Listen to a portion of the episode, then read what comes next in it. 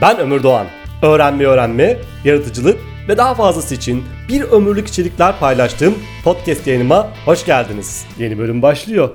İnsan her zaman yararlı, faydalı, işlevsel ve pratik olanı aramaz. Bazen de yeni bir şeyler olsun istersin. Sıra dışı bir şeyler olsun dersin. Sıradanlık seni sıkar. Sıra dışı olanı bulmaya çalışırsın.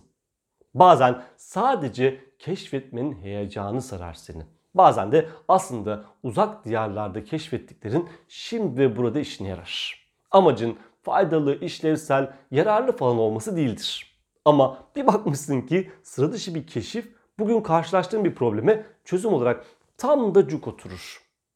Bazen aramadan bulursun. Bazen başka bir şey ararken başka bir şey bulursun. Bazen beklentilerin ötesine geçmek, fark yaratmak istersin.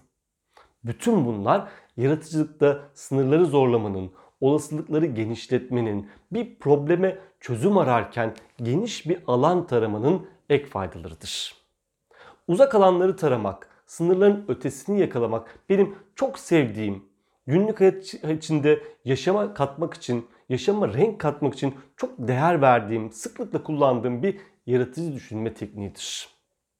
Yaratıcı düşünmek için uzak alanları tarama tekniğinin nasıl çalıştığını, nasıl kullanıldığını, nerelerde işe yaradığını öğrenmek ister misin? Sınırların dışında düşünüp fark yaratmanın 3 adımını öğrenmek için sesi biraz daha aç. Arkana yaslan, kemerleri bağla.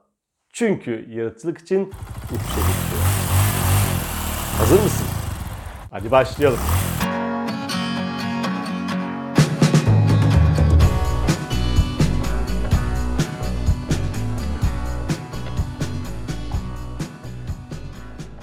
Iglaman ve Brandt Yaratıcı Türk kitabında bu konuyla ilgili bölümde bir bal arısı kovanının her yıl ikiye bölündüğünü anlatır.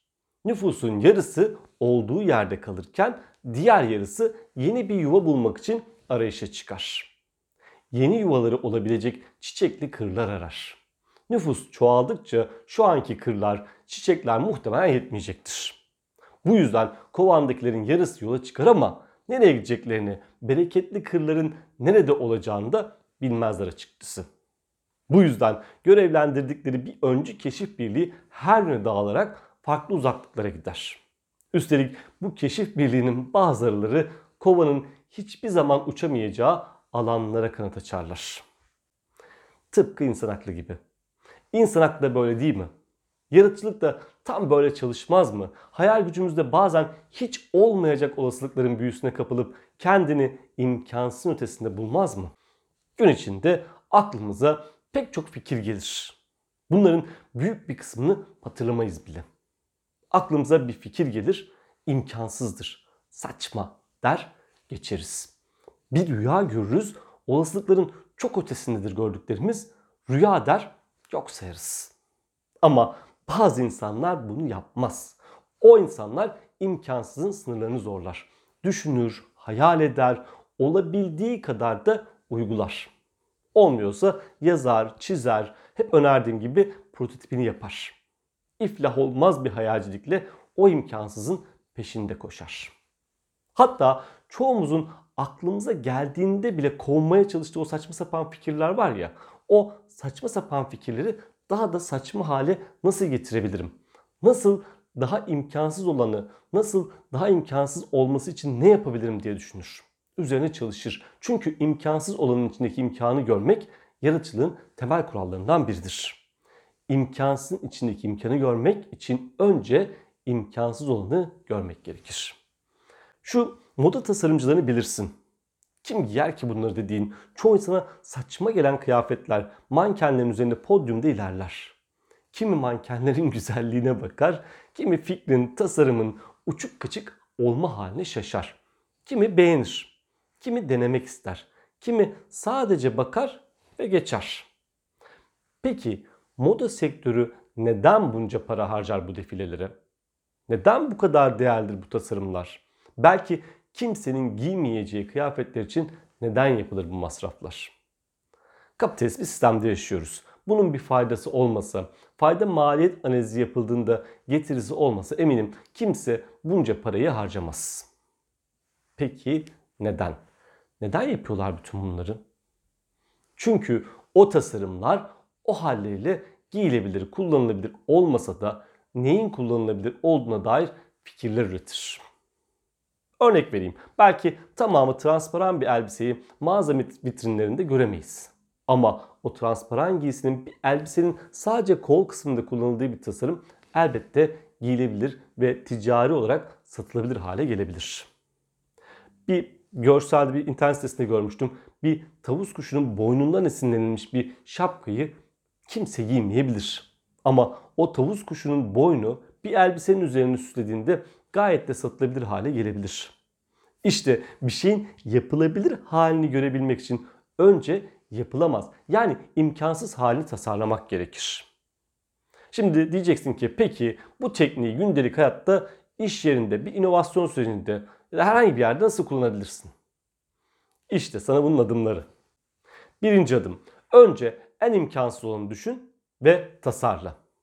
İlk yapman gereken en saçma olanı, en mantıksız olanı, hatta toplumun genel ahlak kurallarına aykırı olanı bile düşünüp bunu bir tasarım olarak ortaya koyman gerekir.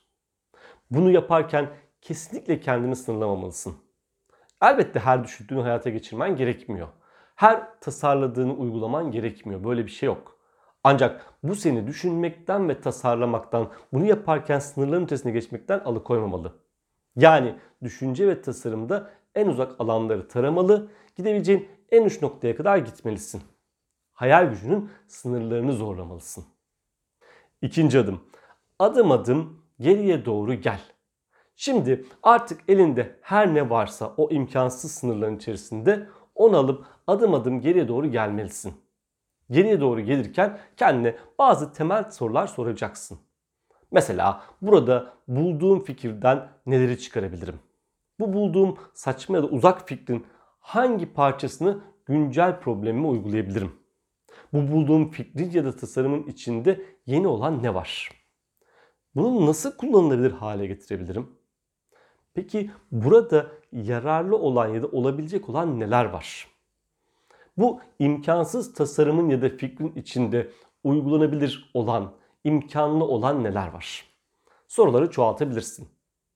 Amacım imkansızın içindeki imkanları görebilmen.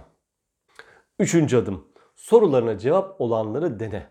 Aslında buradan sonra herhangi bir yaratıcı fikrin hayata geçme sürecinin tüm aşamalarını uygulaman gerekir. Bu fikir ya da ürün hangi sorunu çözüyor? Onu nasıl satılabilir hale getirebilirim?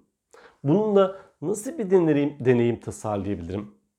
Yani artık daha gerçekçi olabileceğin bir yerdesin. Artık elindeki fikrin yararlı mı, faydalı mı, uygulanabilir mi olup olmadığına bakabilirsin. İlla fikrin tamamı olmak zorunda değil dediğim gibi.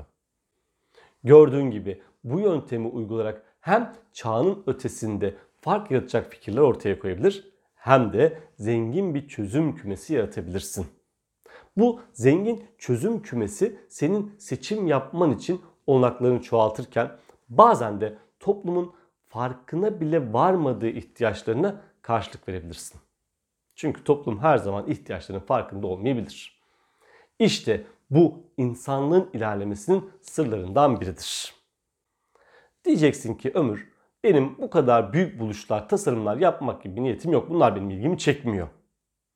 Ben de diyeceğim ki sana bu tekniği o halde sevdiğin birine mesela bir sürpriz yapmak için kullanmaya ne dersin? Diyelim ki eşine bir doğum günü kutlaması yapmak istiyorsun ve bunu yenilikçi bir şekilde yapmak gibi bir hedefin var. O halde bu yöntemin, bahsettiğim yöntemin aşamalarını izleyerek işe en uzak, en saçma, en imkansız olduğunu düşünerek başlayabilirsin.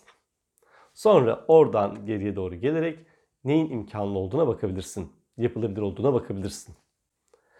Yaratıcılık için ihtiyaç duyduğun kaynakları bazen yakın çevrende bulamayabilirsin. Bazen yakın çevrendeki kaynaklar ihtiyacın olan çözüm bulmak için sana yetmeyebilir. Bu yüzden biraz keşifçi olman, uzak limanlara yelken açman gerekir. Bazen yarat ihtiyaç duyduğu yaratıcı çözüm için önce bolca saçmalaman, çılgınca şeyler düşünmen, çok uzak ihtimallere doğru yola çıkman gerekir. Ne demiştik? Yaratıcılık için uçuşa geçiyoruz. Yolun açık olsun. Bu anlattıklarımı beğendiysen beğen tuşuna basmayı, bir yorum yaparak, kanalımı takip ederek takip etmesi için dostlarına önererek bu içerik- içerikleri desteklemeni rica edeceğim senden. Görüşmek üzere.